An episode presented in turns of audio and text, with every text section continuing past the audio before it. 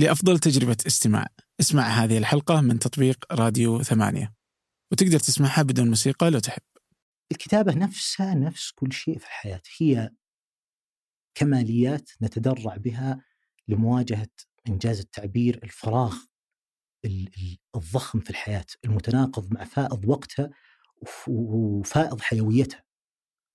فنملأ بها نتدرع بها فبعض بعضهم يكتب بعضهم يقرأ بعضهم يكشت بعضهم يصقر بعضهم ينجر آه، بعضهم يسوي بودكاستات بعضهم يختلف يعني. كل واحد والشيء اللي يتدرع به لمواجهة الفراغ هذا.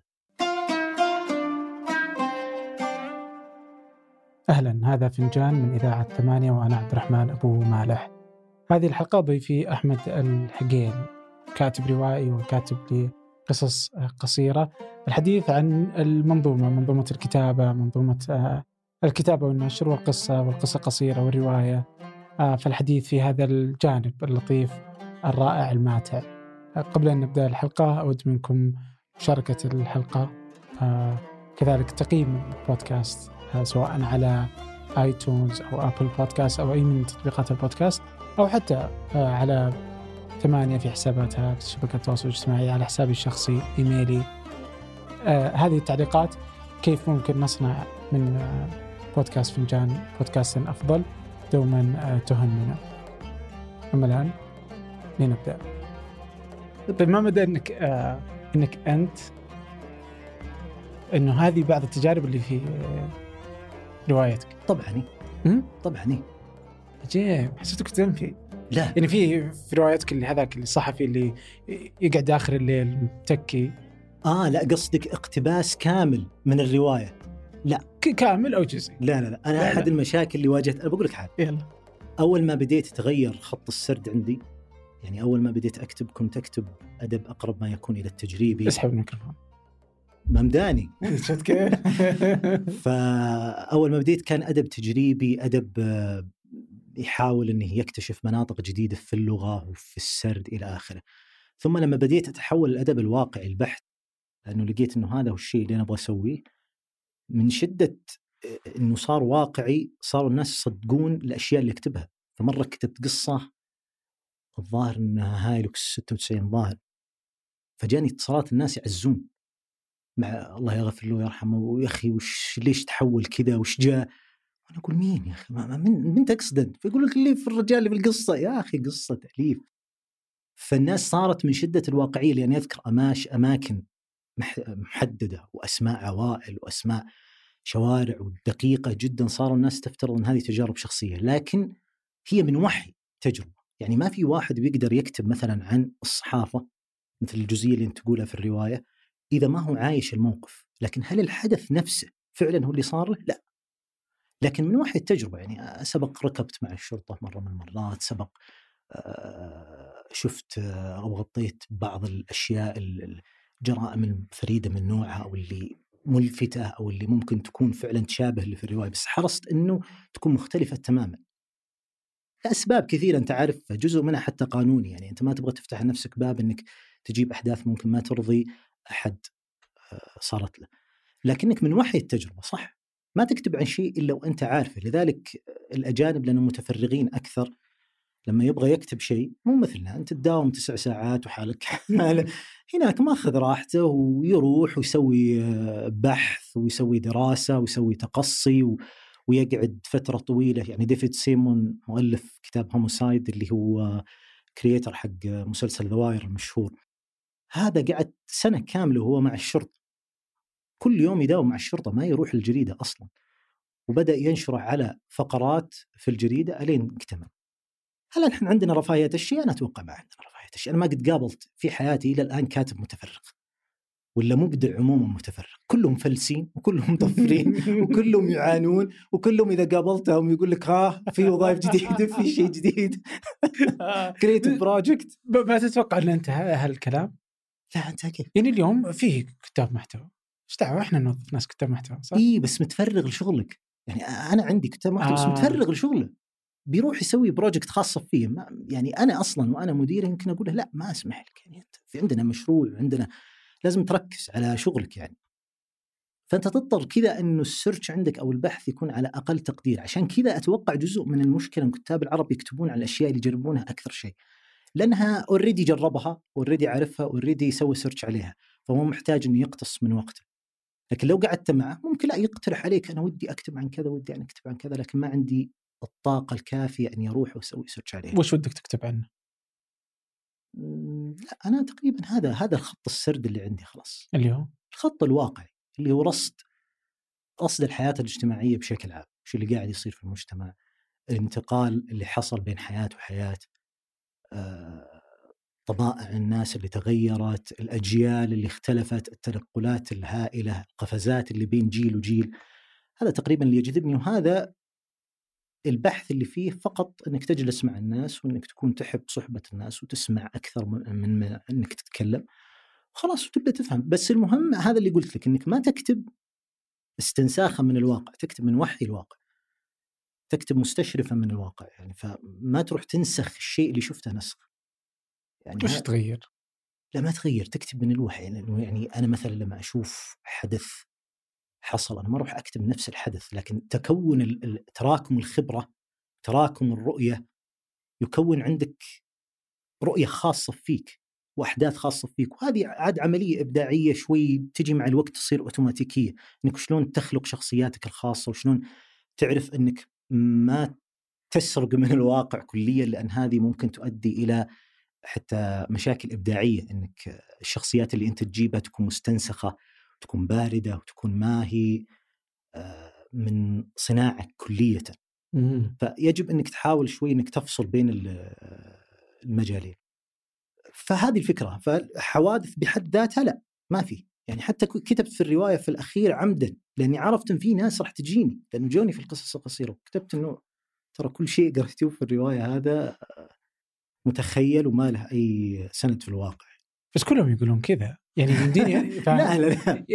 يجيب لي راوي ما يقول لك أنه الشخصيات لا, لا يمكن اسقاطها على الواقع. وان اسقطت على الواقع فأنت هذا أنت اللي تختار لحالك. أنا ما قلت إنه من الواقع بس يعني كيف يستطيع الكاتب إنه يخرج من تجاربه أصلا الشخصية اللي تخليه يكتب هذه الأشياء؟ لا ما يقدر.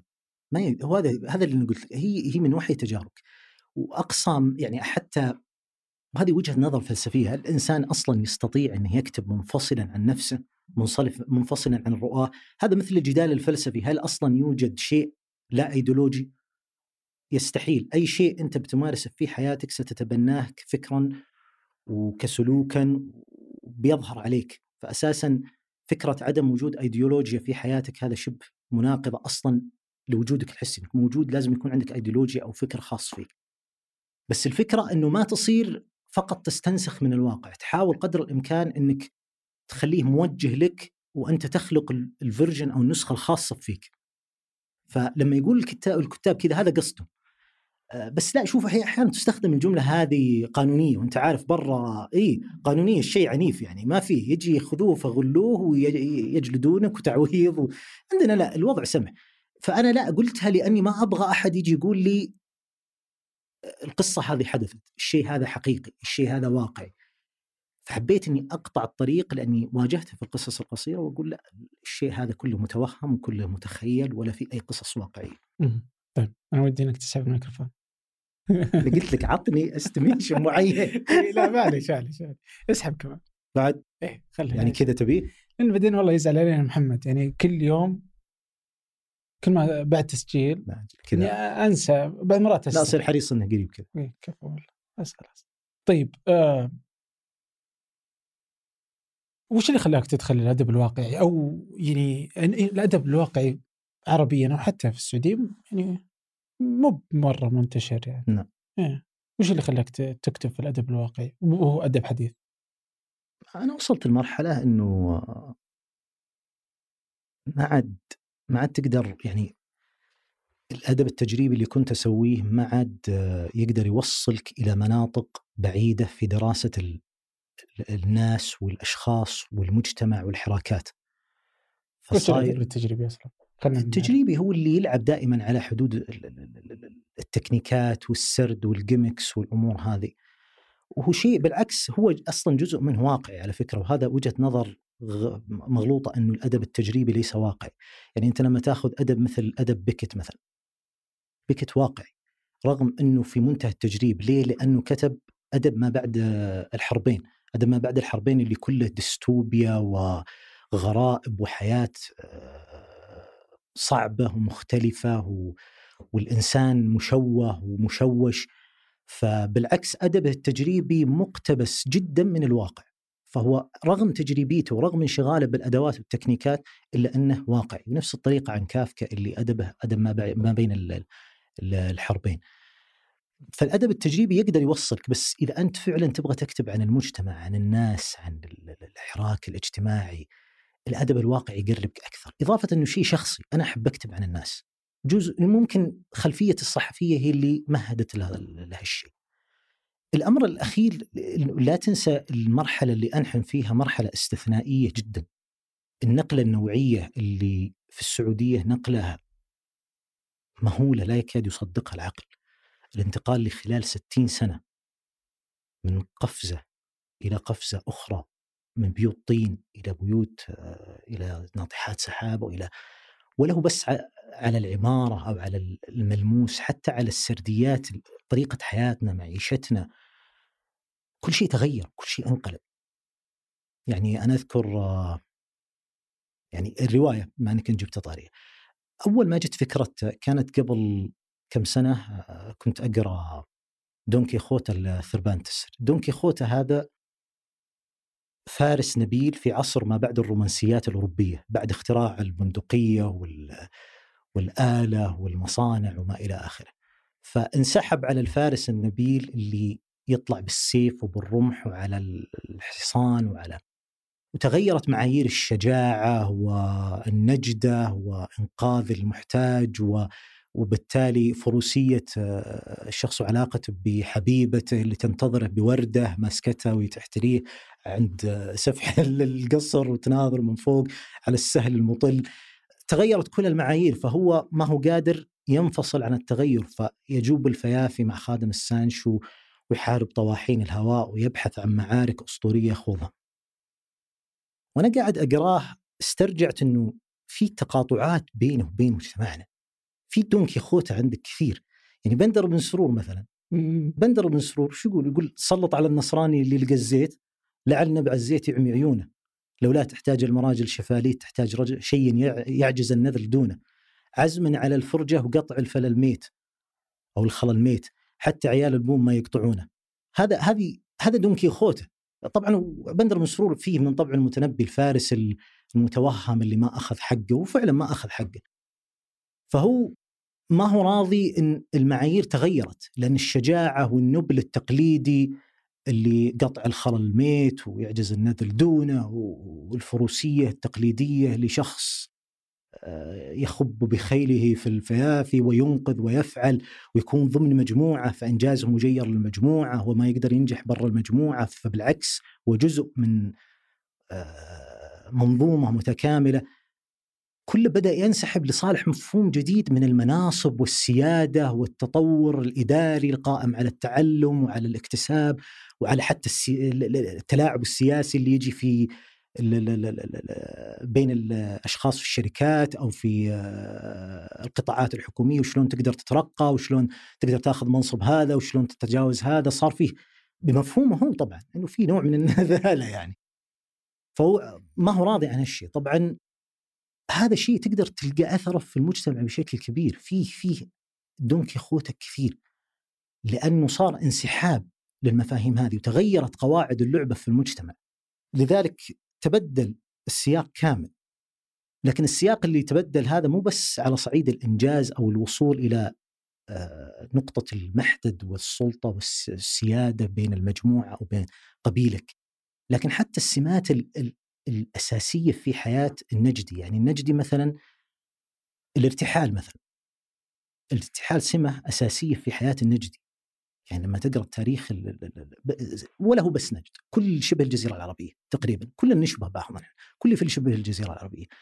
الترحال جزء أساسي تشوفه في كل معالم الحياة اليومية حتى سواء الترحال البدوي اللي آه، يرتحلون آه، شتاء آه، يبحثون عن مواطن القطر والربيع ويقطنون صيفا عند الماء وتجمعات المياه والقرى.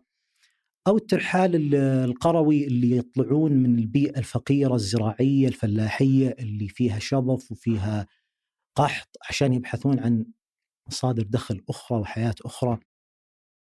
فتلقاها في كل سمات الحياة بل بالعكس هنالك قرى بائدة قرى انقرضت بسبب الترحال تمر عليها وتلقى آثارها. طلعوا خلوها لأنه يبحثون عن حياة أفضل أو عن خيارات أفضل. فهذا جزء من الترحال. يعني أنا أبوي مثلا آه، طالع عمره 14 سنة.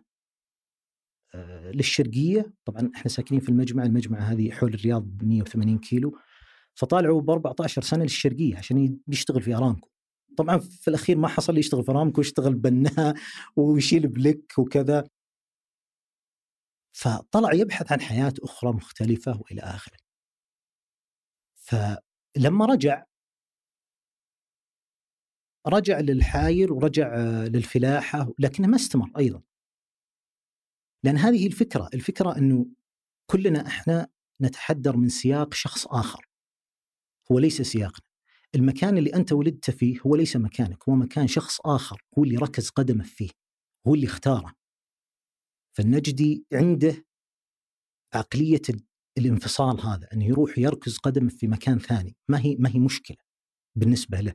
ذلك الوالد لما رجع اضطر إنه مع عائلة فتية تحتاج إلى خدمات مدنية وإلى مؤسسات مدنية إنه يشيل عفشة من الحاير اللي كان الحاير هي قرية صغيرة جنب المجمع الزراعيه اللي كانت هي آه، بيوت أسلافه وآبائه وأجداده ويركز قدمه في المجمع اللي هي صارت بيته الجديد. وبدأت الحاير تلعب دورها في التاريخ كطلب خلاص هذا دورها الآن. مثل أغلب المدن اللي بادت واللي بقيت. فالترحال هذا يعني في وسط في وسط المعمعة هذه في الستينات الميلادية كانت يعني عندك مثلا الرياض، الرياض اللي دخلها الملك عبد العزيز في مطلع القرن وهي بيوت طين داخل سور توسعت وبدأت تضخم في الستينات إلى الشميسي مستشفى الشميسي وشارع الصارات والعطايف وجامعة الرياض وال والمدينة العاصمية المتضخمة اللي مو بس تتطور على صعيد المعمار وعلى صعيد الصناعة ولكن على صعيد السرديات. الناس شلون قاعدة تعيش وشلون قاعدة تفكر لغة الجسد طريقة الكلام الحوار حتى اللبس. كل شيء قاعد يتغير. سردية جديدة قاعدة تتشكل. إنسان قاعد يختلف. هذا قاعد يتكون في الستينات الميلادية بينما كانت القرى لا زالت موجودة. فبالتالي المدن كانت تتوسع. كانت تتضخم ومع توسع المدن هذا آه يعني آه وبما أن إحنا نشبه المدن ترى هذه فكرة يعني أنت أنت تشبه المدينة كثير حسب المدينة اللي أنت عايش فيها، كل ما توسعت المدن كل ما توسعت آفاقك أنت. لما توسع المدينة يتوسع الخيارات اللي قدامك وتتوسع الاحتمالات الموجودة قدامك. فلما الرياض والمدن كثرت الفرص الجديدة غيرت مفاهيم الاستهلاك والتفكير. فبالتالي إحنا مثلا كجيل اللي ولد بعد السبعينات أو الثمانينات الميلادية أنا مثلا مولود في الثمانينات الميلادية. منفتحين على ثقافات ضخمة وكبيرة بحكم تعدد الأشياء اللي دخلتنا دخلت عندنا والأشياء اللي تلقيناها، لكن الجيل اللي قبل يعيش في قرية صغيرة محدودة. فطريقة تفكيره محدودة حسب هالتشابهات هذه حسب المنظومة هذه. مع إني أحس إنهم أكثرهم. منهم. يعني اللي قبلك بجيلين أو ثلاثة م. إنه التنوع والتغيرات اللي حصلت عليهم أكيد. هو طلع من القرية ولا هو اللي كان زي الوالد اللي كان يمشي وما كانت حتى فيه سيارات إلا ما حد يملك سيارة هو اللي كان يعيش الفقر تماما. واليوم يعيش يعني على الواتساب. طيب ما هذا اللي بقول لك. ما هذا؟ وش اللي صار اذا الشخص اللي يعاني من التغير الحاد هذا ما يقدر ينفك عن سياقه. فآثار سياقه الماضي تبقى فيه متأصلة جدا. يعني سواء شكليا ولا حتى سو... أنا أعطيك شكلية يا أخي. أنا أذكر على وقتي كان بعض عوائل البدو يطقون خيام عند بيوتهم خصوصا في العزايم. مفهوم الخيمه لا زال موجود. إحنا كحضر كان كل بيت تقريبا في مزرعة صغيرة ورا. عندك بقر وعندك دجاج وعندك مدري إيش و... و... وكأنك ما طلعت من القرية لا زال عقلية موجودة. وكأنك ما طلعت إلى الآن يحاولون إنهم يستنسخون نفس. طبعا ممكن يقول البعض انه حاجة أصلا طبيعية لأنه ما كان فيه آه، مثلا سلال الإمداد هذه اللي إيه موجودة بالضبط. ما في توزيع ولا في إمداد ولا في. هذا على صعيد الشكل لكن اللي أشد منها واللي ألعن يعني نعبر بطريقة معبرة. اللي هو السياقات الثقافية والشخصية والنفسية. يعني تغيرت كل شيء حولهم. كل شيء حولهم. طريقة التفكير تغيرت. طريقة التربية تغيرت. يعني لما تجي الآن عند الشخص اللي طالع من السياق اللي أنت تقول هذا وفعلا يثبت كلامك إنه هذا هو اللي عانى من تغير حاد. العواطف عنده مثلا محدودة. لأنك أنت طالع من سياق قاسي جدا. فالعاطفة منزله إلى أعلى أقل درجة من التفاعل والانفعاليه ما ما في وقت إني أنا أداري شعور الآخر أو إني آخذ واعطي معه عشان أقنعه، يجب انك تثق فيني، أنا أبوك، أنا أمك، أنا خالك، أنا كذا. ففيها عقلية المنظومة، عقلية آه، الانسياق وراء نمط حياة معين وخلاص، وبعدين إذا وصلت وكبرت راح تفهم ليه. لا تستعجل تستعجل على الفهم، الفهم هذا ليس حق مكتسب، ليس حق بديهي، حق مكتسب، لازم تكتسب. إذا كبرت راح تفهم إحنا ليش سوينا كذا. دائما يفكرون دائما يعلمونك بالطريقة هذه. فالعواطف مثلا عندهم بقيت كذا ولا روضتهم المدنية. الإسراف المرفه. الشيبان ظلوا عندهم مشكلة مع الإسراف المرفه. ما هم فاهمين الإسراف المرفه اللي تقدم المدنية، لذلك كل بيت تقريبا في الشايب كان ينشب العيال على المكيف، على الكهرب، على الموية، على ليس بخلا، لكن هو لا. لا يفهم إنه هذا صار سمت حياة جديد، لا هو يرى انه هذا امتيازات يجب أن لا تهدر، هذا إسراف مرفه، أنت وش تحتاج؟ أنك تحط سفرة طعام مليانة أكل، ليه؟ وجه نوع واحد من الأكل. وليس انتري مثل ما يسمونه. كل شوي داخل عليك صنف جديد. نفس الطريقة المكيف. ليش تقعد طول اليوم وأنت مولع المكيف؟ لا ولع بس في الليل. في النهار عادي عيش. خلك حر وخلك وش المشكلة؟ أنت قاعد ما أنت نايم. فعندهم مشكلة مع الإسراف المرفه. فلاحظ أنهم عجزوا ينفكون عن سياق. ظلوا متشبثين بنفس ال ال ال العادات والتقاليد اللي اكتسبوها.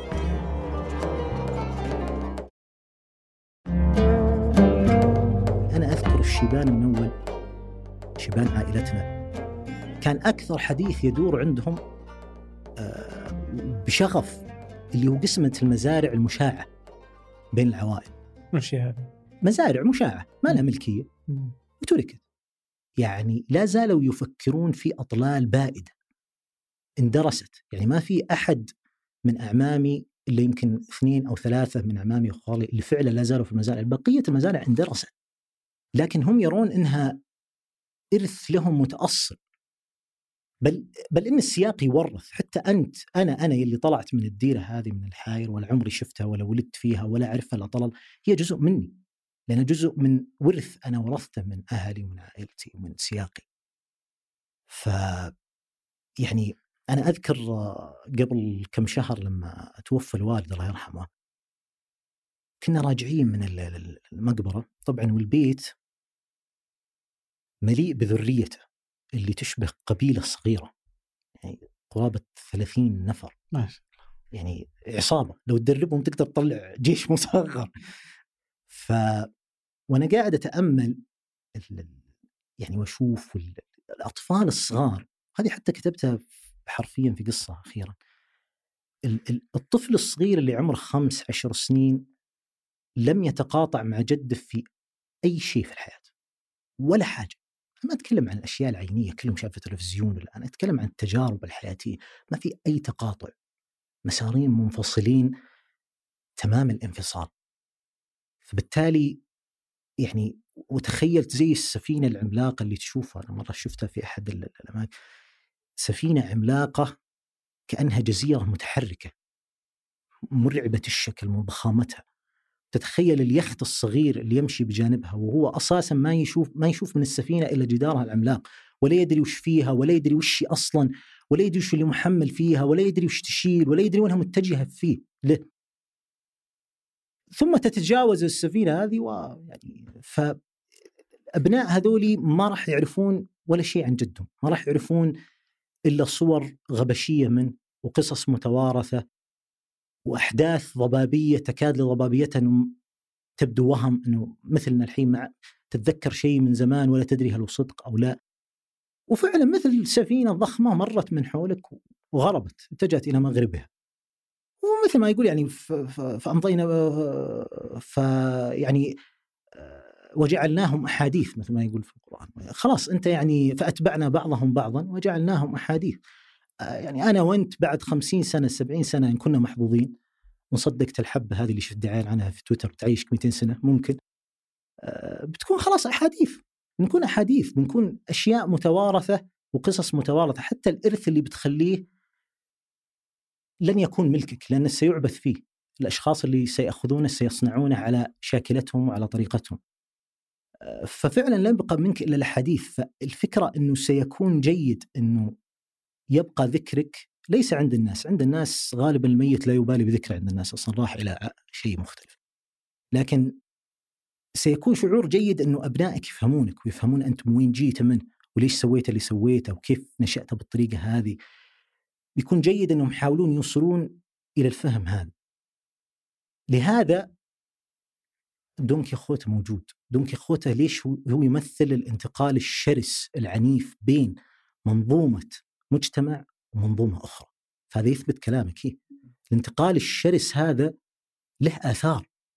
له آثار. حتما والآثار الكبرى لذلك لما كتبت الرواية كانت الفكرة أني بجيب واحد كبير سن 60 سنة. ثم قلت لا أنت كذا بتجيب الطرف الأسهل اللي هو فعلا دون اللي هو فعلا الفارس سلاش الشايب اللي فقد كثير من أدوات حياته السابقة واللي كانت تدله إلى البروز أو التميز أو النجاح في الحياة.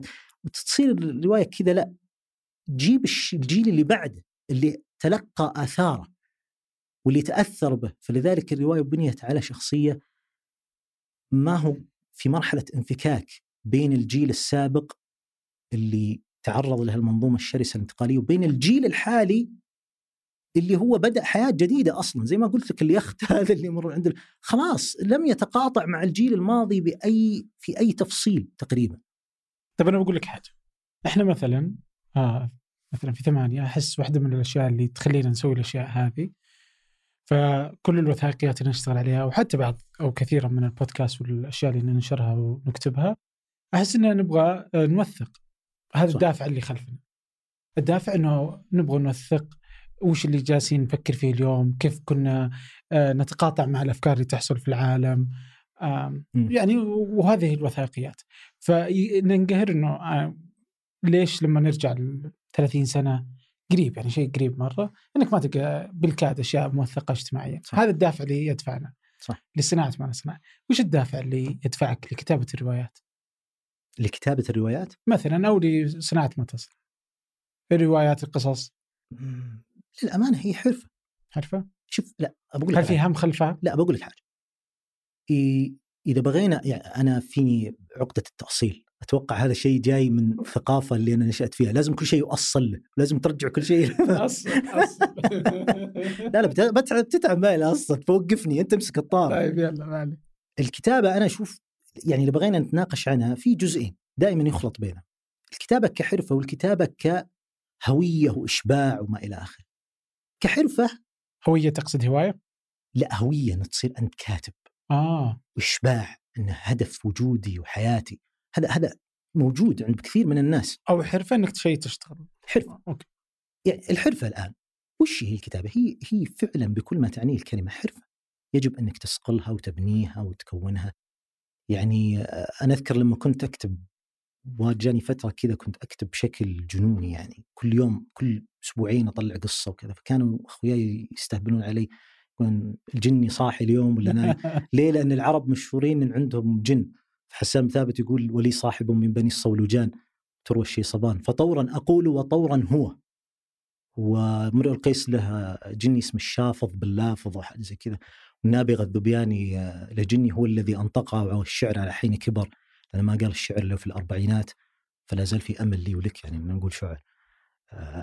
وحتى الفرزدق يروى أنه كان إذا نضبت قريحته يطلع ويجوب الفيافي ويروح الأماكن الخربة. وقف مرة من المرات على سفح جبل وقال هلموا يا بني مدري مين؟ وجوه الجن وساعدوه في كتابة قصة 150 بيت. طبعا آه، القصة ما تجيب القصيدة لأنه لو جابت القصيدة ممكن أنت دسمست يعني تقول هذا عادية وكذا تقتل القصة. فهذا في عقلية هنا ليه؟ لأن الكتابة مشكلة الكتابة الإبداعية أو ميزتها أو الشيء اللي يخليها مميز عند الناس أنها ابتداع في المجهول في المكنون في الوجدان في الخفي من الشيء. فالناس يتهيبون الشيء هذا إنه إنك تسبر أغوار الشيء المجهول اللي لا يرى ولا يبصر فقط يحس وحتى يحس بدون أن يعبر عنه. الشعور إني الأصيل يعني البدائي. فالإبداع يحاول يقتنص هالشيء فيبدو وكأن الشرخ في الطبيعة المبدع هذا شخص واحد راح إلى أعمق أماكن الكون وراح جاب لنا الشيء هذا من النخاع حقه ورجع له فحتى يعني كان يروى أحد ندماء أصدقاء أحمد شوقي كان كان يقعد معه ويقول أنت قهوة يقول نشرب شاي ونسولف درينا يقوم كذا يروح يختفي ويرجع كاتب قصيدة وين جبتها منه؟ إيش فيك؟ وين رحت له؟ فما هم مستوعبين إن الشخص هذا كان قاعد معهم؟ ثم راح؟ وكتب إن الشجاعة في القلوب كثيرة ووجدت شجعان العقول قليلا. يعني توه توه قاعد معنا وصلعك يسطع فيها النور وشرب الحين في البسكوت اللي تاكله وين جبت البيت هذا منه وين اختفي وين رحت وجبته منه وكأنه يروح ويجيبه من مكان خفي يقتنصه من عمق كذا خفي. فهذا اللي خلى الكتابة تكتسب نوع من ال... الفخامة أو الامتياز آه، يعني آه، وبذلك ارتبطت بكثير من الملهمات مثل هذا الجن مثل عرائس الشعر اللي يسمونه الاجانب the muse أو حتى بالمنشطات العقلية الشراب المخدرات هذه منتشرة عند المبدعين ما شاء الله تحس إن المبدع ما ي... يعني فوكنر ما يشرب ما يكتب إلا وشارب أبو نواس ما يكتب إلا وشارب. وصحيح لكن مش للدرجة هذه لأنه كينغسلي أميس كاتب هذا بريطاني يقول ميزة الشراب إنه يسقط القلق لأن قلق إنك تكتب شيء إبداعي تقلق إنك بتخطي إنك بتفوت إنك بتقفز النبرة هذه أو بتتجاوزها ولا أنت بعرف ترجع والترقيع فيه صعب مو مثل إنك تكتب الأفكار مع كتابة الأفكار والفلسفة أيضا معقد وصعب وفي جانب إبداعي. فيقول تسقط القلق لكن يقول يجب إنك تكون أصلا وصلت إلى مرحلة من الإبداع كمبدع إنه ما تحتاج. يعني أنت ضعيف كذا كان يقول لك أنت مريت مرحله ضعف إنك بهالطريقه هذا كحرف فاذا هي لا هي مميزة ولا هي شيء ولا في جن ولا في ملهيات ولا في كذا. هي كل ما هنالك إنك أنت تتقن الكرافت حقك الحرف حقك وتشتغل عليها. وغالبا أنت تمارسها لأنها هي شيء تجيده في الحياة. والإنسان لما يجيد شيء في الحياة فهذه هبة. المفترض أنه يكون ممتن لها. آه، تمارسها طبعا بشكل مطول تمارسها بشكل خفيف هذا خيارك الشخصي أنت لكن المهم أنه هبة أنك تتميز أنك أنت وهبت الكتاب؟ ولا اكتسبتها؟ لا لازم يكون عندك في الأساس قدرة على إنك تعرف تصيغ، تعرف تكتب، تعرف تفكر، يعني أتوقع إنها موجودة عند كثير من الناس بس لازم تشتغل عليها، لازم تبنيها، لازم تقرأ كثير، لازم تتأمل كثير، لازم تفكر كثير. يعني الكتابة بذ... ويختلف على نوع الكتابة، أنت إيش تقصد بالكتابة؟ أنت تقصد الكتابة الإبداعية، تقصد الكتابة كتابه في الفلسفة، في الفكر، في النقد، في كذا، يختلف يعني. فتختلف من واحد الثاني. بس هل هي مشبعة أو هل هي هذه الأزمة اللي دائما إن الكتابة البعض يرى فيها سدرة المنتهى. كلنا إحنا عندنا أشياء أهداف نشعر انها سدرة المنتهى إذا وصلنا لها سيكتمل وجودنا. بينما الكلام هذا مو صحيح. الإنسان طماع. الإنسان خلق من الجشع. أنت أنت من أبوك؟ أبوك آدم اللي أكل تفاحة مقابل الجنة. نحن خلقنا من الجشع. هذا طبيعتنا وهذا تكويننا. نبحث دائما عن المزيد متعطشين المزيد. فلذلك أعلى منافس أعلى مراتب النفس اللي لا يكاد يوصل لها اللي هي الرضا. الرضا هذا شيء ما توصل له بعد معاناه من العمر والبذل فما في شيء اسمه الشبع. إضافة إنك أنت أيضا متقلب. أنت يعني يوم تقوم وأنت تبغى كذا ويوم انت تبغى تقوم كذا يعني يعني يوم تقوم وانت مثل أقول له ذاك يوم أنت تقوم وانت مثل بنت باسم يقول جنبت وسط السوق وامشي مع الساس وآخذ من شوية الحق واترك كثير. واحيانا تقوم انت المتنبي الليل والخيل والبيداء تعرفني والسيف وتبغى أنت اللي تخترع الأنسولين وأنت اللي تجيب الهدف آه، هدف الفوز في آخر دقيقة وأنت اللي تنقذ الناس من حريق وسط آه، فلاشات التصوير. أنت نفسك متقلب وش الشيء اللي فعلا بيشبعك؟ الشيء اللي بيشبعك الحين ممكن ما يشبعك لاحقا. ممكن تنصدم إذا وصلت إلى الشيء اللي أنت بنيت حياتك كلها عليه على أنه بيشبعك ويرضيك تنصدم إنه ليس كافيا. الكتابة نفسها نفس كل شيء في الحياة. هي كماليات نتدرع بها لمواجهة إنجاز التعبير الفراغ الضخم في الحياة المتناقض مع فائض وقتها وفائض حيويتها. نتدرع بها فبعض بعضهم يكتب بعضهم يقرأ بعضهم يكشت بعضهم يصقر بعضهم ينجر آه، بعضهم يسوي بودكاستات بعضهم يختلف يعني. كل واحد والشيء اللي يتدرع به لمواجهة الفراغ هذا. ففي نهاية الموضوع إذا اخذت جانب التأصيل هذا تكتشف ان الكتابة هي مجرد حرفة آه، تملأ فراغك تملأ وقتك. لا أكثر ولا أقل من كذا. إذا أنت أخذت أكثر من كذا آه، أنت قاعد تبالغ. قاعد تبلغ وتحط عليها حمل أكبر مما هي عليه. إيش دعوة؟ إيه؟ كتابة يعني ليش أخليها بس حرفة يعني؟ هي ممكن تكون حياتي هي الكتابة. لا لا قلت لك هي شخصيا أنا أقصد. شخصيا إي صح أكيد طبعا. كمالية هي كم... إحنا مشكلتنا عندنا وصمة سلبية على لفظة كمالية. نحس إن كمالية يعني أنت لما تتأمل الحياة الحياة يعني ما عندك ما في أساسيات ترى. أساسيات الحياة هي فقط أساسيات الجسد. فقط. كل شيء آخر غير أساسيات الجسد هي كماليات. شلون كماليات؟ لأنه الشيء الراسخ عندك قد لا يكون راسخ عند شخص آخر. فخلنا خلينا نشوف أكثر قيمة راسخة في حياة أغلب الناس. الزواج مثلا. هل هو أساسي في الحياة؟ لا. في ناس عايشين بدونه. في ناس يقعد إلى سن الستين إلى سن ما هو كماليته؟ كماليته في المقابل انه يسافر ويشتري سيارات ويعيش ويدلع نفسه مقابل هو اختار كمالياته.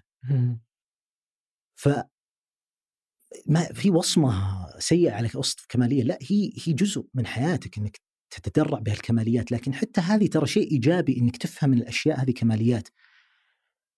حتى لو أصبت فيها اللي يفقد عائلته اللي يفقد يمل من الكتابة اللي يمل من إمبراطورية اللي بناها واللي مو حياته انتهت. لا بل لأنها كمالية. بيجد شيء آخر غيره وبيجد بيجد إجابة أخرى في حياته ما دام أساسياته الجسدية وأساسياته الوجودية موجودة.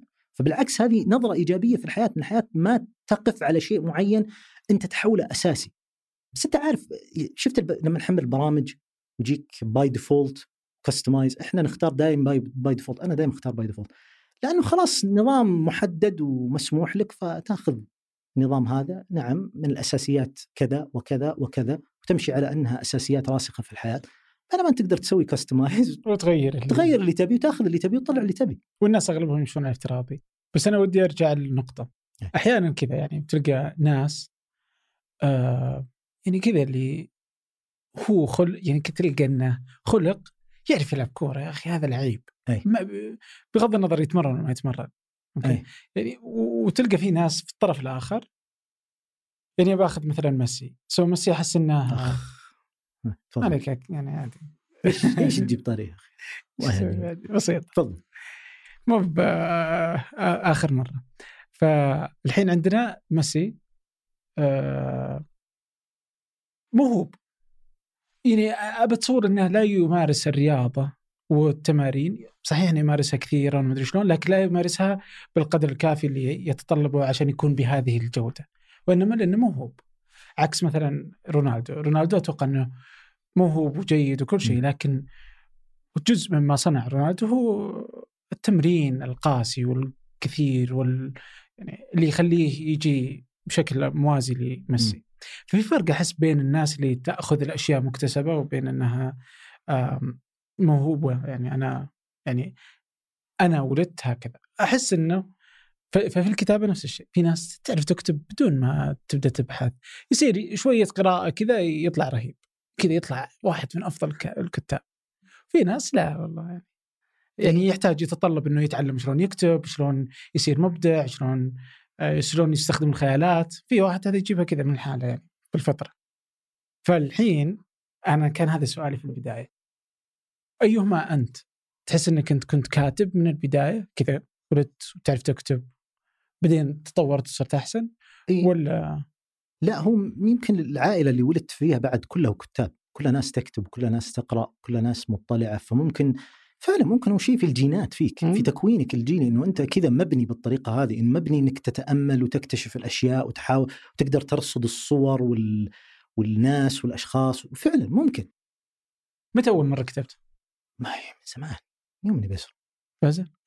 يعني من- آه، عندي أوراق لقيتها طبعا كارثية كارثية أحرقتها اخذتها واحرقتها عشان أقضي عليها تماما لأن بتكون فضيحة لو طلعت. شنو؟ طيب لا لا صح لا لا زي زي إيش تقصد يعني لما تكون فضائحي؟ لا ما هو بإنه مكتوب فيها شيء يعني لا لا أدري أدري بالنسبة لك إنها كارثية من كارثية السوء. اي. سيئة جدا. شيء متوقع يعني. نتكلم عن بزر واحد عمره 11 سنة 12 سنة. طبيعي يعني. آه، لكن كانت يعني من يوم إنك صغير وأنت تكتب.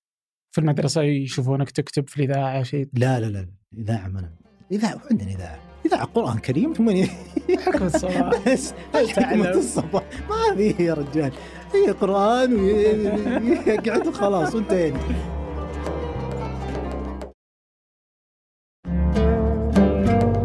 بس على فكرة أنت جبت مثال ميسي ورونالدو. ترى هذه طرقت كثير. في صحفي إسباني نشر مقال عن الموضوع لما كانوا يقولون كذا.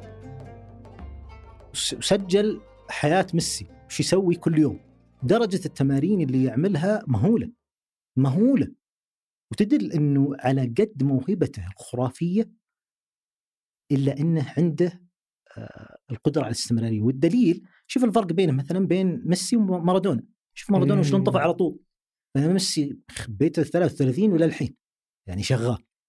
آه، متى بيطفي هذا؟ طبعا الكرة تغيرت أكيد وتبدلت وصار اللاعب يبنى بشكل أفضل وكذا. فاكيد في في موهبة أصيلة فيك تجاه أي إبداع أنت تسويه. ما في شك أكيد. لكن لو ما ربيتها ولو ما كونتها آه، ما راح تنجح. ترى على فكرة إحنا دائما لما نقول الكتابة وشلون تنحتها وتربيها دائما الناس يفترضون إنك تصير دودة كتب. لا لا لا لا, لا ما نتدخل. تدري أعظم نحت للكتابه مو بالقراءة أنا هذا وجهة نظري. التأمل. التأمل تفكر وشلون بكتب شلون الناس تتصرف.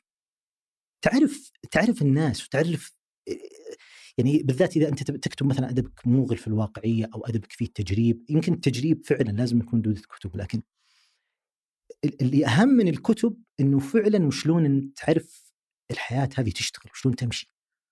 شلون الانماط هذه شغالة؟ شلون الناس يفكرون؟ شلون يتفاعلون مع بعضهم؟ انفعالاتهم طرق تعبيرهم لغتهم اللي يستخدمونها. هذه تكاد تكون أهم من القراءة. القراءة تعطيك أحيانا توجه معين تختصر لك طرق آه، تطوي لك مسافات. صح وهذه أهميتها لكن بلا مبالغة تقدر تنجح بدونها.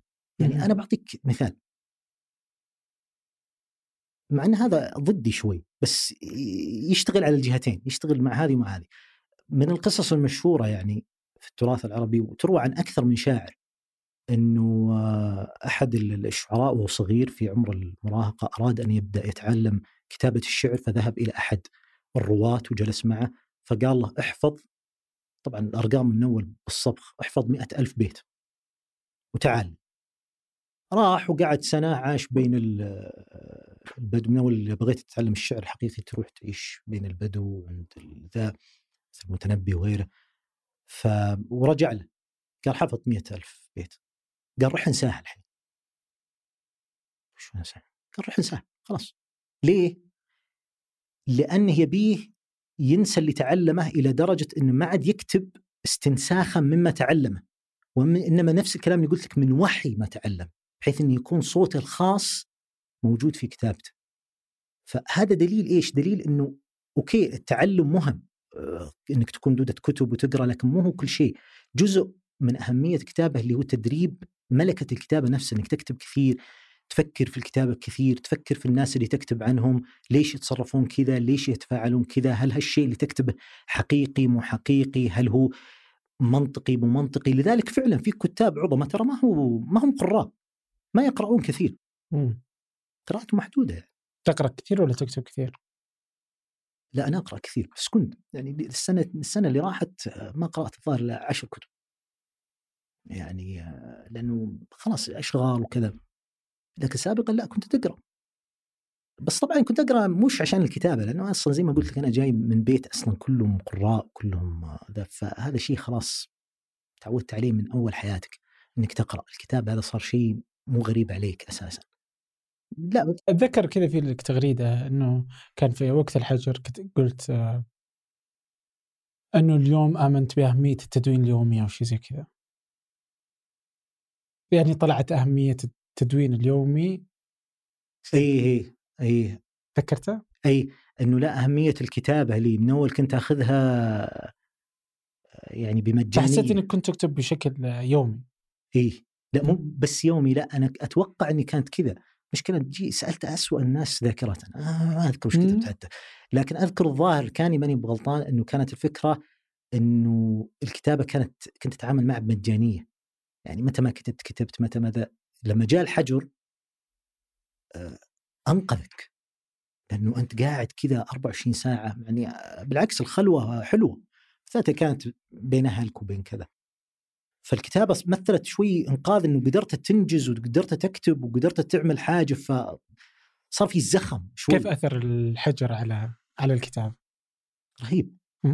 شوف أنا كل من كلمني عن الحجر طبعا لأن نحن إحنا في الدوام operation ف أخرنا الرجوع إلى آخر وقت عشان أنت عارف يعني العمليات لو صار مشكلة يتعطل الشغل. ف رجعوا يا المدراء لك لا ترجعون يا ذا.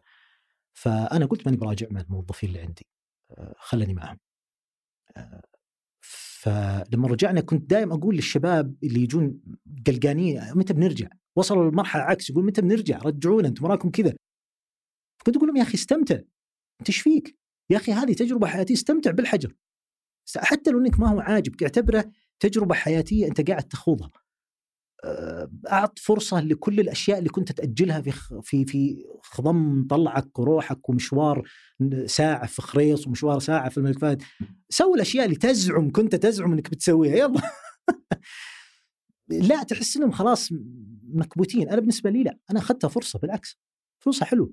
قريت كثير كتبت كثير شفت أفلام كثير قعدت مع أهل كثير. أهلي من اول ما كنت أشوفهم كثير فجاني فرصة إني أقعد معهم. بالعكس تجربة حلوة.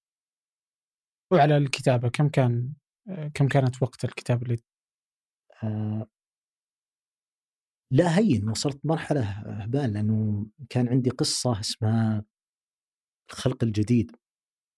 آه. أي كانت 15 صفحة. وفي أسبوع ونص خليت كتبت 112 تقريبا 120 وطلعته. فلا هين جاني كذا. في أسبوع ونص هذه أسبوعين خلاص خلصت الموضوع كامل بالنسبة لي. آه، لا إله إلا الله. والعشر صفحات هذه كم أخذت فيها؟ لا العشر صفحات هذه مكتوبة من زمان. اي بس كم أخذت؟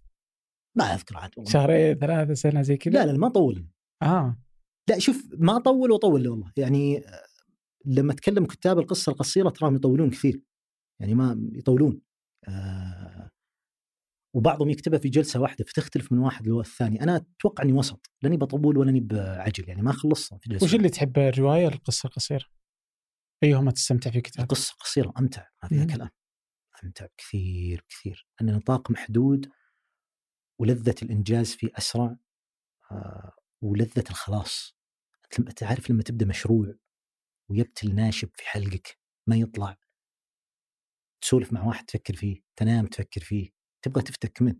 تخيل تكتب رواية مدة سنة على الطريقة والرواية تكون مستحوذة. يعني في روايات يعني تستحوذ عليك كليا. رواية دوائر اللي كتبتها قبل هذه يعني كانت مستحوذة درجة مزعجة جدا بعكس طرق ومدن مثلا. القصة القصيرة جماليتها إنك تنهيها في وقت معقول. 10 أيام 15 يوم تغلقها تحس إنك عملت حاجة تقراها من أول جديد. تحس بإحساس جيد إنك سويت شيء حلو. طبعا يفترض إنك تنساه. أنا من النوع اللي خلاص إذا كتبت شيء نسيته كليا حتى ما أقرأ شيء عنه ولا أدري الناس مرة. ما مهم هذه الآراء في تحسين. لا لا بالعكس أستمتع بس ما أدور عنها. آه. ما أدور عنها لأنه ما تدوير ما هو بزين. آه، لكن بالعكس لا ما في أحد ما, ما يفرح بالاعتراف وال... لا لا ما في أكيد.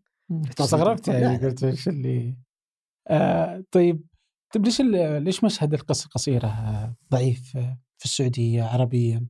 ما هو ضعيف يقول. ما يعني ما أحس إنه يعني ما يذكر يعني ما ما يكاد تذكر. عطني كتاب قصة قصيرة سعوديين السعودية؟ السعودية عندك عبد الله ناصر عندك عزيز محمد عزيز محمد اللي حاله حرجه عرف بعد الروايه هذه. م. عندك عدي عدي بس عدي مشكلته يبي لك واحد يلحق وراه يقعد سنة ما يكتب. عندك محمد العرادي هذا اسم كويس وجميل عندك علي المجنوني يكتب قصص أحيانا كلها جميلة عندك من الجيل اللي قبلنا لكن لا زال موجود مع إنه ترك القصة ضيف فهد. لا لا عندك أسماء كويسة لكن بس من وين لوين يعني؟ ما هم. يعني ما إيه، يعني من وين لوين ينشرون يعني؟ لا لا والله ينشرون بعضهم ينشرون كثير يعني أنا أنشر كثير عبد الله ناصر ينشر كثير آه عادي لا ما ينشر كثير. ولا علي ولا طيب. ولا علي. كلهم منشغلين. هم منشغلين لا والله سحبوا ما, ما في قراء للقصة قصيرة؟ ما هي ما تجذب؟ ما فيها فلوس؟ آه نوعا. ما ادري وش الدوافع؟ لا. تدري وش المشكلة؟ آه دور النشر ما تفضل المجموعات القصصية فتضطر إنك تكتبها في الإنترنت. الإنترنت على قد ما إنه طبعا أنا عندي قناعة من أبرز ميزات الإنترنت إنه كسر لنا احتكار المنظومات. احتكار المنظومات هذا مشكلته في كل مجال في الحياة، في الإعلام، في آه الادب، في ال... في التقنية في, في كل التقنية في كل حاجة.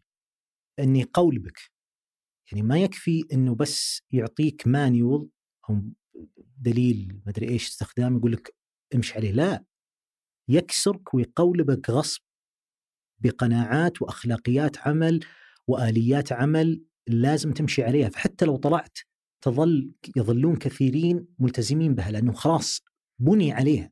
ما تقدر يكسرها. لذلك التطوير في المنظومات القائمة صعب. وأنا ما ودي أدخل في الجانب لأنه هذا يتقاطع مع وأنا ودي أتكلم عن الموضوع. ف تطوير صعب صعب. أحيانا تطلع تبني منظومة جديدة أسهل لك. مش والمشكلة ترى مش بالأفراد هي المنظومة خلاص مترسخة إلى درجة إنه الفرد حتى لو بغى يطور ما يقدر. فالنت عطها الفرصه إن كسر المنظومات عندنا فقدرنا نكتب قصص قصيرة بعيدا عن الصحف بعيدا عن النوادي الأدبية بعيدا عن كذا فطلع كتاب نت أنا كاتب إنترنت كل الأسماء اللي عدت لكم إياها تقريبا أغلب الكتاب الشباب اللي موجودين الآن كلهم كتاب إنترنت. لكن في نفس الوقت الإنترنت ما يوصل لكل الناس والقارئ مع الوقت بدأ يأخذه بجدية أقل. فالمدونات ما عاد عليها نفس الطلب اللي كان سابقا. وسقوط المنتديات أثر كثير، المنتديات من أول كنت تدخل وتشوف كل شيء نشر في جلسه الثقافة وتقراه. الآن لازم تروح تلقط كل كاتب وش نشر، هذه متعبة. فتلقاك تهمل الموضوع وتنساه. آه، فعدة عوامل خلت القراءة للقصة القصيرة أقل. بينما الرواية خلاص كتاب يعلن صدوره وكل يشتريه والموضوع بسيط. آه، المجموعة القصصية هذا اللي أنا أستغرب منه آه، أنا ما لي خبرة في دار دور النشر لكن اللي أفهم من دور النشر ما يفضلونها كثير. بزعموا من القارئ ما يشتريها. أنا ماني ما أدري. أحس بالعكس يعني إيه؟ اليوم التسويق على إنه نفس القارئ. يا سلام عليك. بالضبط. طيب أبغى أقرأ حاجة بسيطة اخلصها بكم ماني فاهم. يعني دور النشر لازم يعني لما اتناقش أنا وياهم بعضهم أصدقاء وأعرفهم وكذا. يعني أنا أقول لهم صراحة المشكلة من السوق ولا المشكلة إنكم أنتم ما أنتم عارفين تسوقون؟ أنت لا تنسى بعد إنهم كثير منهم هواة ترى هواة يعني مو بإنهم خ... لا خبيرين في المجال بس هواة يعني عندهم وظائف وعندهم ما هو فاضي أصلا. حس يبغى لها دور نشر غربلة. طبعا طبعا. يبي لها احترافية إنه خلاص محترف شغله وحياته كله في دار النشر ينام ويصحى عليها. ويكون لها دعم ويكون لها ده لكن عموما هذا كله يصب في المشهد الثقافي، المشهد الثقافي عندنا فيه مشاكل كثيرة، يعني وقفت على دور النشر بس. وش مشاكل؟ كل شيء. كل شيء عندنا فيه مشاكل. المشهد الثقافي فيه تكلس وفيه تراخي وفيه آه ما في حراكات يعني أنت عرفت آه أي مجتمع منتج وأي حضارة تبغى أنك فعلا تنتقل إلى حضارة منتجة ثقافيا لازم يكون في حراكات. هل عندنا فعلا حراكات؟ وللأسف ما أنا ما أدري وش سبب عدم وجود الحراكات، هل هو سبب مؤسساتي؟ هل هو سبب فردي؟ يعني الكل يتهم الثاني. مثلا إحنا الكتاب كل واحد زابن في ركنه ولا يدري عن الثاني، هذا مشكلة صح؟ النقاد أكيد عندهم مشاكل أيضا ثانية ما يطلعون ولا يتكلمون عن أعمال الشباب. كل واحد بيتهم الثاني، فأنا ما أدري هذه يبغى لها تحليل فعلا عميق، وين المشكلة فيه؟ ليش ما في حراكات؟ ما في نشاط كذا يحمل المؤسسة كاملة. هل غياب وزارة الثقافة والله شوف نحن كان أثر عليه؟ نحن مشكلتنا نلقي دائما بكل مشاكلنا على المؤسسات الحكومية. هل يفترض المؤسسات الحكومية تتورط أصلا في إنتاج الثقافة؟ المفترض لا. مفترض اي ممكن تساعدك توجهك لكن لا ما له دخل. الحراك الثقافي ما ينتج مؤسسة حكومية، بالعكس المؤسسه الحكوميه لو انتجت الحراك الثقافي ممكن يكون مشكلة. لأنه يمكن يكون موجه. ممكن حتى الادباء والنقاد يرفضون يقول لا أنتم تتحكمون مثل دار النشر هذه اللي كانت تطلع وزاره الثقافة. ليه بطلت؟ لا لا ما أدري والله. ما أدري أنا يعني أحس بس دور النشر أتوقع إنه وضعها مأساوي. كذا كل ما سولفت مع أحد كذا اللي واضح إنه متضجر من من الشكل. بعضهم أصلا ما يدري كم عدد الكتب اللي تبيعت لا يعني وضعهم ما في إحصاء ما في جرد ما في آه رجال. والله يعني كذا أحس. ومو بس سعوديا وخليجيا عربيا. وضع دمار بس حتى أنت واضح إنك كنت زعلان. ف آه روايتك الأخيرة قلت بحطها في موقعي. الخلق الجديد. إيه. إني أنا ما أبغى أدخل في دوشة دور النشر. التعامل مع دور النشر متعب ولا هو متعب بالضرورة لأن الأفراد متعبين. أحيانا بعض الأفراد في دور النشر يرفع ضغطك ودك تجالد أنت وياه. ممكن هو لو تكلمت معه قال لك نفس الشيء ودي أجد نص الكتاب. لأن فعلا بعض الكتاب يرفع الضغط. فالمشكلة مي بالضرورة مشكلة أفراد لكن دور النشر عندنا زي ما قلت لك شغل ما هو ما هو احترافي ما هو ناس متفرغه له. ناس أصلا يدورون لقمة عيش ويشتغلون برا ويحاولون. بعضهم يشتغل هاوي شبه هاوي. يعني وشلون تبغاه ينتج لك شيء على مستوى عالي. فانك تتواصل مع دار نشر. ثم تقول لها بطبع لكم الكتاب ثم يشوفونه. ثم يقررون معك ثم العقد ثم متى يطلع الكتاب ومتى يوزع. ما تسوى عليه. الرواية 120 صفحة تطلعها بي دي إف. وخلي الناس تقراها وخلي الناس تطلع عليها وخلاص. أساسا النشر الإلكتروني ضرورة لابد منها خلاص لازم لازم نبدأ نتبنى. أنت تدري دور النشر إلى لما تطلع كتب إلكترونية؟ يعني إيش قاعد تسوي؟ إلى الآن ورق. يا أخي في ناس تقرأ إلكتروني. ليش ما أنت راضي تقتنع؟ في ناس تقرأ إلكتروني. كل يعني بلا مبالغة ما يمر شهر لو يجيني عدد من الأشخاص. وين كتابك Kindle؟ وين كتابك PDF؟ أبشتريه وعادي يقول لك أشتريه ما عندي مشكلة. ما هي راضي. طيب إذا شيء بسيط تافه زي كذا ما أنت قادر تسويه. طيب شلون تسوي الشيء الأكبر اللي تجرد وتسوي دراسات للسوق وآر إن دي وإحصاءات؟ ما أنت قادر. ما يقدر.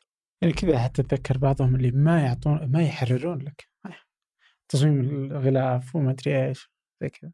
يتطلب يعني عمل كبير بس عاد سالفة دور النشر سالفة. لا إيه لا لا معقدة. هذه يبي لك تستضيف دار نشر صاحب دور نشر تحجرك كذا في ربع وتعطيه انت وياه آه والله يبغى لنا. يعني إذا دور النشر أتصور إنه في في غياب في الم... يعني أنا أتوقع أقدر أخذ المشهد الثقافي وأشوف أو حتى المشهد يعني إذا أخذ بالتحديد في الكتابة والنشر أتصور إن في 16 مشكلة. يمكن تبدأ من الكتاب نفسهم. هل يوجد عدد كتاب؟ آه بما يكفي. هل يوجد نقاد أصلا؟ اللي أنت تقول إنه نايمين هل هم موجودين أصلا؟ بعدين دور النشر بعدين الحراك الثقافي الأندية الثقافية الأندية الأدبية يعني دائرة كبيرة أتوقع إنها فيها عليها 16 مليون سالفة وسالفة في كل مكان. بس واحد من الأهم الأشياء اللي أتوقع إنه كان سبب في حراك المشهد الثقافي.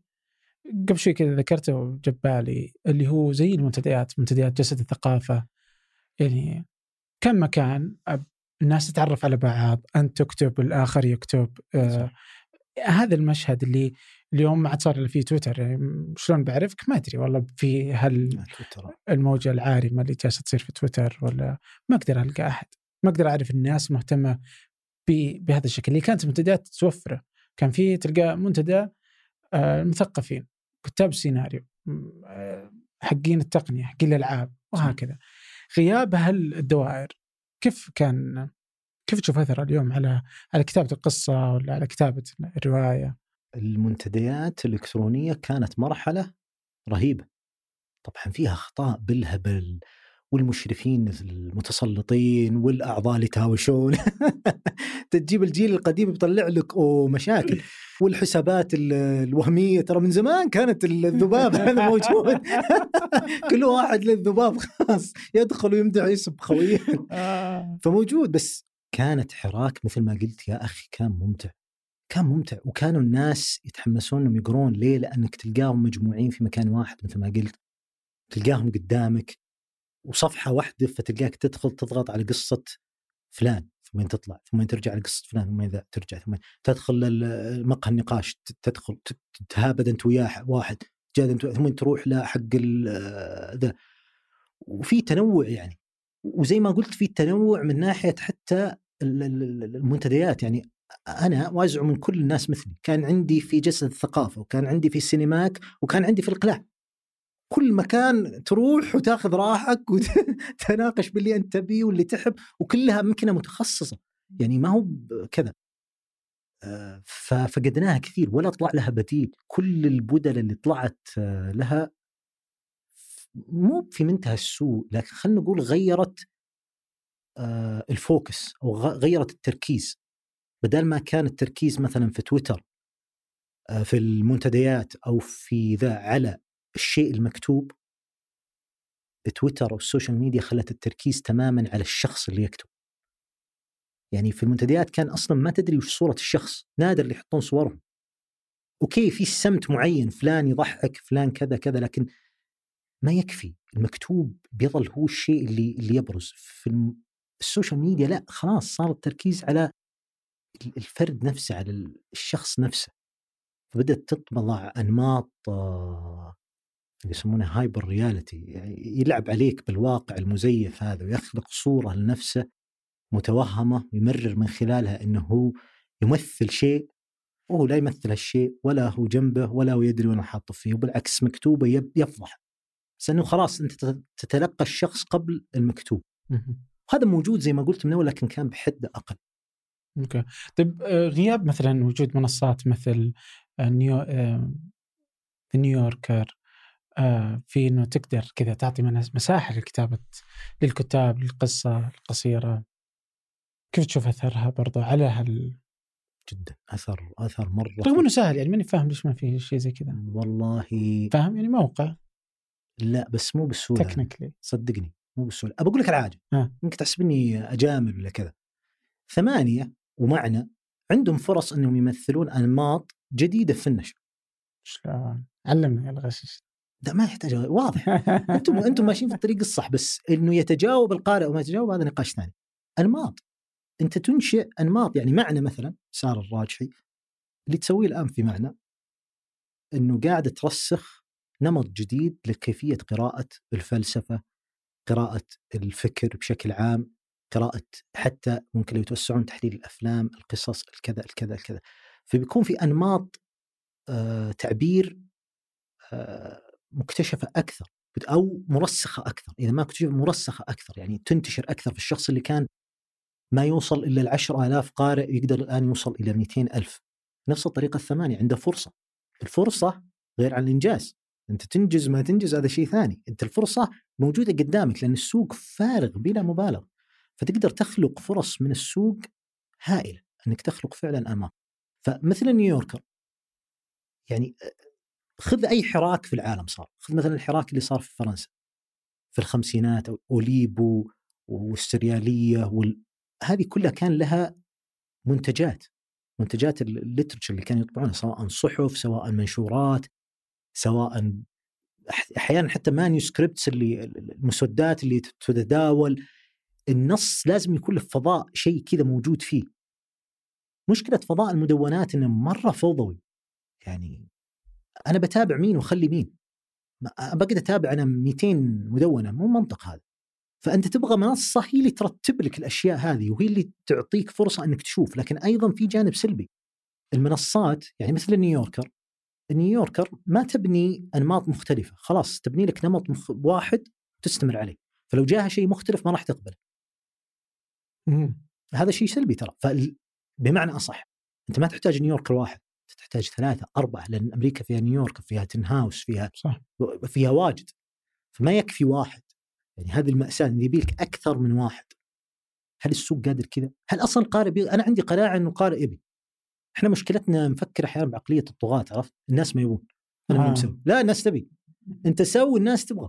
بس سو سو شيء يسوى. طبعاً. مو بتروح تحاجة تقول شوف. الناس ما تبغى لا. طيب بدون مجلات بدون منتديات بدون دور نشر زي الناس بدون هال شلون كاتب يدخل عالم القصة؟ آه. إيه هذه فيها مشكلة ترى. الكتاب الآن لذلك في كتاب كويسين ما هم قادرين ينتشرون إلى الآن. آه. لأنه ما حد انتبه له ما حد عرفه. لكن أتوقع أن الوصول للكتاب اللي قبلك سهل. فلو أنت حريص يبي يدعمونك الكتاب اللي قبل. ففي كتاب دع- دعموا يعني تلقوا دعم من الجيل اللي قبلهم وبالعكس برزوا. ففي في التكافل هذا لا زال موجود لكن أحيانا أنت ما تدري عن الكاتب هذا فما يقدر يوصل لك أساسا. عموما ترى هذه أزمة حتى في أمريكا في كل مكان في كل مكان. كثيرين يشكون من أنه آه، عجز انه يوصل إلى دور النشر وفي قصص بالهبل لكتاب نشرت أعمالهم بعد وفاتهم. هذاك كينيدي اللي نشر آه، الرواية الشهيرة مملكة الأغبياء نسيت عنوانها بالإنجليزي وكتبها في الستينات الميلادية وعجز يلقى أحد ينشرها ثم مات أو انتحر. ونشرت في الثمانينات وفازت بالبوليتزر وأخذت صيت وصارت في في أكثر المبيعات آه، في نيويورك تايمز. حتى في أمريكا يعانون هالشيء يعني أحد كتاب ما بعد الحداثة نسيت اسمه ديفيد آه، اوجريس أو حاجة زي كذا نشر كتابة كتاب مسودة ظل يتداول مسودة بين الناس إلين طاح في يد آه، ناشر قال خرب بيت وش الكتاب هذا؟ مين اللي كاتبه؟ ديفيد مدري شو ما عمره سمعه. وجيبوه هذا ويقعد يحارب عشان يوصل طلع الكتاب وطبع الظاهر عشر طبعات فحتى في أمريكا في معاناة يعني بس عندنا بشكل مرة يعني وحش وحش. إذا أنت تبغى تبدع تبغى تكتب تبغى تسوي معاناة قوية. طبعا المعاناه أقل تقريبا في الأفلام أو المسلسلات أقل بكثير. آه، لأنه المرئي أكثر انتشارا من المكتوب. آه، فتقدر توصل للقاء للمشاهد أسرع. بينما المكتوب شوي الناس تتوجس منه أو صارت تستثقله. فما هو معطيك فرصة إلا وهو ضامن إنك تستحق الفرصة. بينما الفيديو تلقاه يغز ويشوف. إيش عنده الرجال هذا. مهم.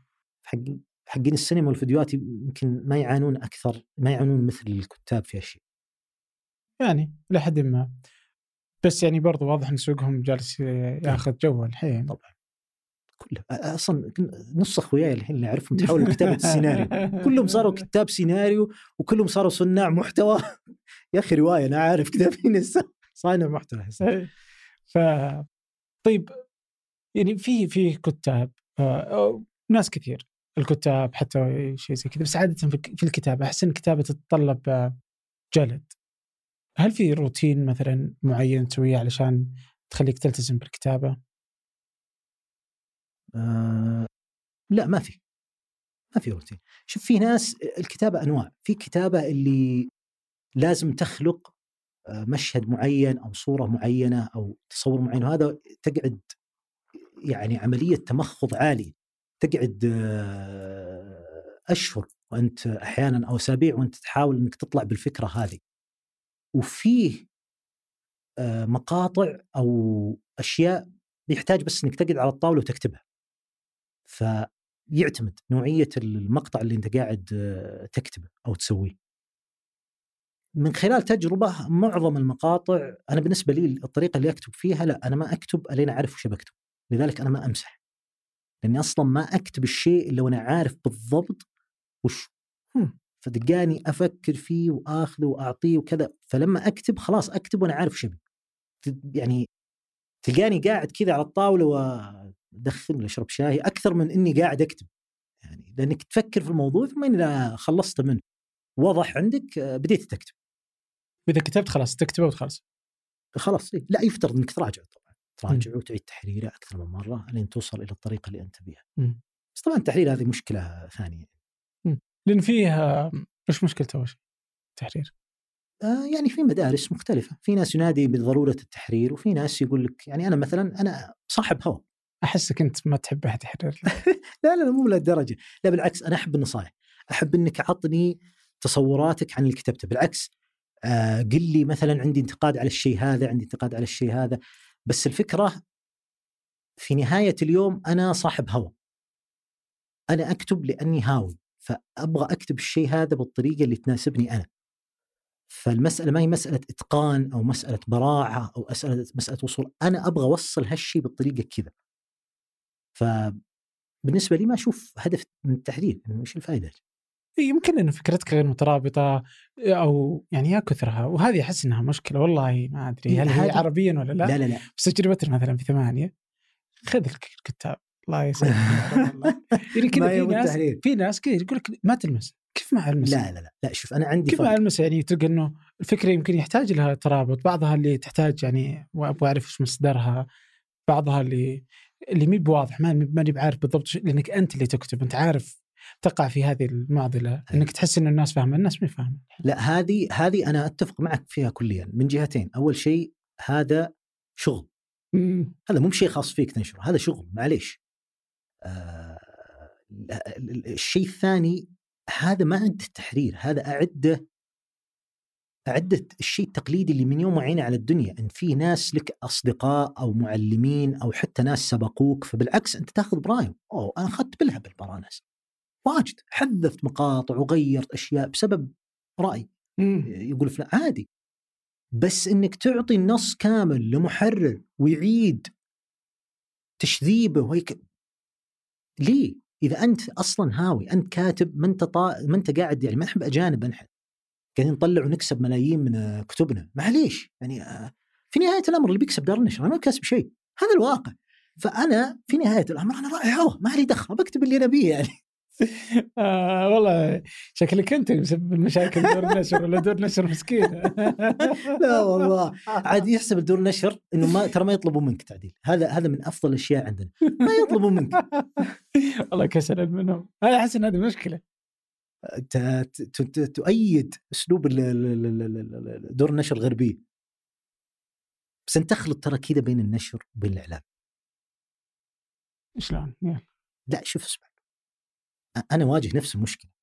إذا أنا عندي محررين وعندي ناس بيعطوني مواد هذا غير. فيه أول شيء سياسة تحريرية أنا ماشي عليها. فيه سمت أنا لازم أصدر للقارئ اللي يدخل عند منصتي. هذا غير. أصلا أنا أص... يعني اصبخ في وجه الكاتب. نصك مو بلك نصك لنا. خلاص انتهى الموضوع. لا وضع يختلف. الإعلام وضعه يختلف. لا لا طيب حتى الدور النشر. يعني انت تأتي بكتاب مثلا فيه 200 400 صفحة وهو يستحق بس 50 صفحة واضح إنه حشو. شيء كلها بتتشخمط. أصلا هذا اللي صح؟ عنده 400 صفحة وهي 50 صفحة هذا هذا مشكلته مشكلة أصلا خلافكم وجودي ليس خلاف تحريري. ما تتفقون إيه؟ فاساسا من أول من أول الموضوع خلاص فضوا بإحسان وانتهينا لأنه هذا خلاف وجودي يعني من 400 ل 50 لا هذا معناته إن منطلقاتكم مختلفة. أصلا آه، لا يمكن أن تتفقون.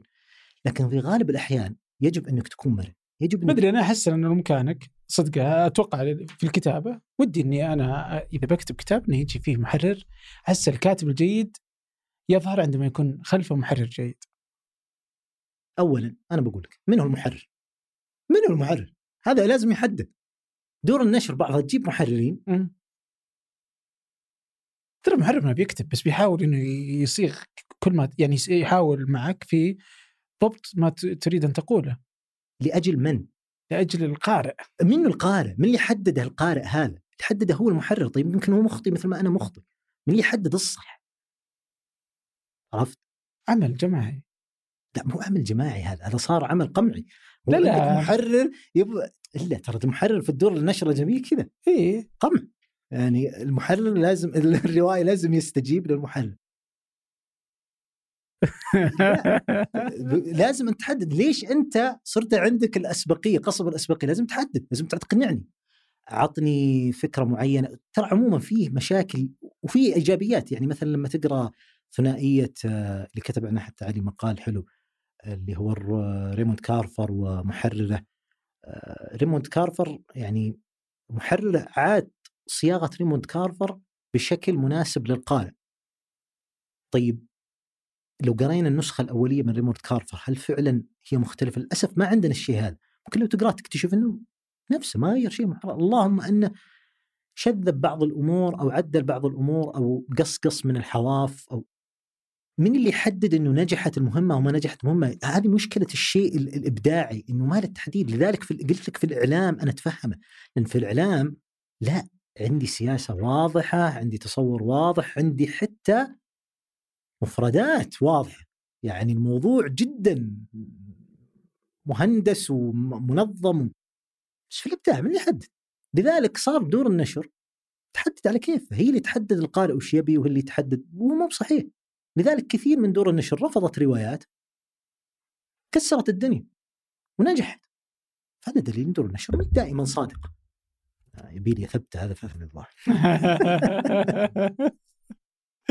اي دي مو بالضرورة يعني هذا يصير على الأفلام يصير على كل شيء يعني هذا إيه؟ عادي السوق. طبيعي. أحيانا أنا أرفض حاجة تصير إنه الناس أيوة تبغاها؟ ف... بسيطة يعني. أيوه ف... فنفس أرجع الكلام اللي قلت لك. الكاتب لازم مرن ودار النشر لازم مرنه بعد لازم في هو أنا أحس إن دار النشر إيه. لا عندنا لا لا عندنا إيه. ما يعني ما في أصلا. فاتحين لك ما في ما في. انشر اللي تبي؟ ما في. إذا اسمك زين. الله يجزاهم خير يعني حتى أصلا ما يراجعونها املائيا إذا ما رجعت املائيا أصلا رحت فيها. أنا عندي رواية ما رجعت املائيا كل رواياتي فمشكله آه مشكلة. طيب إيه يعني هذه والحين صار دور النشر إيش تسوي بعد؟ جالسين نتحلطم عليها. انت أنت آه. مفكر شكلك والله مفكر طالب بادي لا ما شاء الله. الهموم التوسعية في ما آه، إيش يسوون؟ اللي صاروا صارت تنزل كتب عن كيف تكتب الكتب. فهمت؟ ودورات عن كيف تصنع آه، كيف تكتب كيف تصبح كاتبا يعني شلون تقرأ؟ كتاب يعلمك شلون تقرأ. شلون؟ شلون؟ شلون أقرأ؟ يعني عجيب. تعيش وتشوف طيب أنت شلون تقرأ؟ آه أفتح كتاب اقرا لا لا شلون تختار كتبك؟ آه هل عندك طريقة معينة؟ أعقد سؤال يا متى تتخلص من الكتاب؟ عادي إنك تقراه وترميه؟ لا أنا إي ما لقيت يعني إيه متى تكتشف إنه مو كتاب جيد؟ إي لا لا ما أقرأ أنا كتاب واحد في نفس الوقت مستحيل لازم كتابين أحيانا ثلاثة أه أتوقع أغلب القراء كذا ترى أغلب الناس كذا لا ما أتخلص من كتاب بسرعة ما يصلح شوف أنا فاهم أنا متفهم وجهة نظر الزملاء اللي يقول لك أنا ما عندي وقت. بالعكس أنا أتفهم فعلا ما في وقت. ماني فاضي أقعد أقرأ 20 ص...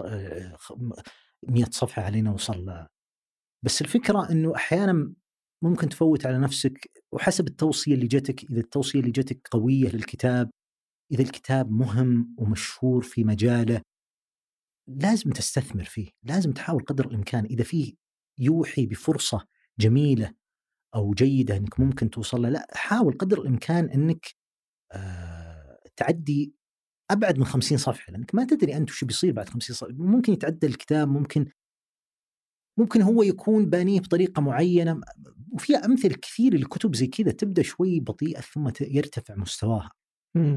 فيعتمد لكن مثلا كتاب ما تدري وشو أخذته من رف يعني أعطى 10 صفحات 20 صفحة إذا ما جذبك خلاص الوجه من وجه ابيض يعني. قراءتك أغلبها على قدريت آه، أجنبية آه، إيه. اغلب ما تقراه أجنبي؟ أصلا توي يدري إن حسابي ذا الحين موجود في قدريت من 2017 آه. رميت فيه ما أدري كم كتاب وطلعت أغلب أجنبي تقريبا يمكن لأن في ذيك الحقبة أتوقع في ذيك الحقبة لأن كتب التراث ما هي متداولة كثير في ال Goodreads لكن أتوقع إن أغلب قراءاتي لا تتراوح بين التراث وبين الكتب الغربية والأجنبية سواء روايات سواء فكر سواء فلسفة. أوكي. يعني أتذكر كان فيه نيل جايمان كان يقول إنه هو في طب مثلا شلون يكتب؟ يقول أنا عندي طاولة أقعد فيها يوميا. وقول إما إني أكتب مم. أو إني ما أسوي شيء مم. أنا ما عندي خيارات. أنا عندي هذه عدد ساعات كذا ثلاث ساعات يوميا على هذه الطاولة. أما أكتب أو اني ما أسوي شيء. فهذا جالس يجبر نفسه في في تطور الكتابة. صح. ف فكان هذه الفكرة انت متى تكتب؟ وشلون؟ تقعد عادي في مقهى في البيت؟ آه شو تسوي؟ غالبا في البيت لكن لا والله حتى كثير برا. حتى كثير برا. شوف الإجبار الإجبار ضروري. إذا أنت فعلا يعني منخرط في كتابة شيء وبدأت آه، مزاجك يتمنع ويتدلع. لا لازم لازم تكون حازم إنك تجلس فعلا وتبدأ المشروع. إذا أنت حريص على نوع من الديدلاين أو تبغى توصل إلى حد معين تنتج فيه لكن إذا أنت ماخذ الأمور بأريحية ولا أنت بكاتب محترف ينتظرك شيء أو ينتظرك deadline ممكن إنك تاخذ راحتك في كتاب ماخذين راحتهم لكن أيضا أخذ الراحة الزايدة عن الحد ممكن يتطاول إلى خمول وإلى انقطاع كلي وفي كتاب منقطعين تماما وأتوقع سببه هالشيء إنه ما تعاملوا مع الكتابة كعمل يقعد ويكتب ويجبر نفسه على الكتابة. لكن يمكن لو تكلمه أنت يقول لك أنا ماني بنيل جايمان أنا ماني أنا هاوي ولا وراي دار نشر تقول لي جيب الكتاب عشان نبيع بالملايين ولا يعني متى ما كتبت كتبت. أوكي.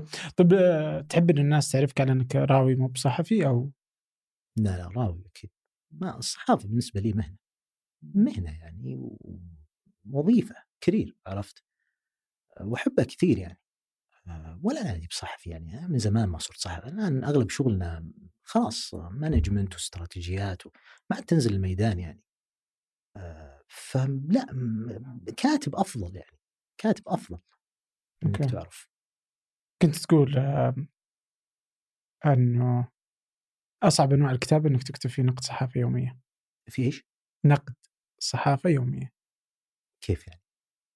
إنك تك... انت كنت كاتب نقد تكتب نقد في الأفلام في الشرق الأوسط الظاهر. أي صح. الظاهر إنه هذا الكت- الكتابه اليوميه انها كانت هي أصعب أنواع الكتابه هكذا. أنت. انسى واجد. تنسى واجد أوي. واقول لك ولي صاحبه من بني الصولجان فطورا قوله وطورا هو. هذا واضح من الجني اللي يقول. لا آه يمكن هذا قديمة فعلا إيه شوف الكتابة الصحفية مشكلتها مقيدة. لكنها تعلم كثير تعلم كثير الكتابة الصحفية رهيبة آه تعطيك آه التزام تعطيك قدرة على إنك تمسك نفسك ما في شيء اسمه تستطرد على كيفك تستطرد إيه بهدف معين يعني مثلا آه، فتقبضك شوي تمسك تقيدك وتعطيك دايركشن وتوجيه أوضح فممتازه بالعكس الممارسة الصحفية آه، تربيك ككاتب. فعلا. أحيانا الكاتب يبغى له التربية لأنها مثل ما يقول يعني فوكنر يقول آه، ترجمتها بالعربية ما تجي زينة.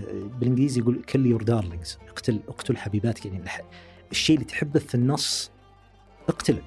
خلك شرس. لا تقول والله أنا أحب المقطع هذا أنا بيه لا اقتله في الصحافة تعلمك الشيء هذا. المقطع هذا ما يصلح شيل. انتهينا. فتعلمك على ال- ال- ال- ال- الأسلوب هذا. فكويس إن الكاتب بالعكس يكون عنده الصرامة هذه. أوكي. بما إنك تركت الصحافة. كيف تقرأ المشهد الصحافي في السعودية؟ ما إحنا قلنا. تركته بعدنا تبغك تقول لا تركته تركت. الصحافة الميدانية بس العمل الإعلامي لا زلت موجود فيه. فلا لا لا لا لا. طلعنا يعني لازم تستقل عشان تقوله؟ أحسن. بعد بعد 20 سنة إن شاء الله نجتمع. عندي. طيب الله يسعدك. شكرا جزيلا. الله يسلمك حبيبي. آه، تسلم والله. آه شكرا لقبول الدعوة. الله يسلمك حبيبي. ممتن لك. تسلم حبيبنا وسعيد أنا بحضوري حبيبي. الله يسلمك. شكرا أحمد شكرا لكم شكرا لسحر سليمان في الاعداد والتنسيق عبد الحميد خان خلف الكاميرات ومحمد الحسن في الهندسة الصوتية. هذا فنجان أحد منتجات شركة ثمانية للنشر والتوزيع. الأسبوع المقبل ألقاكم.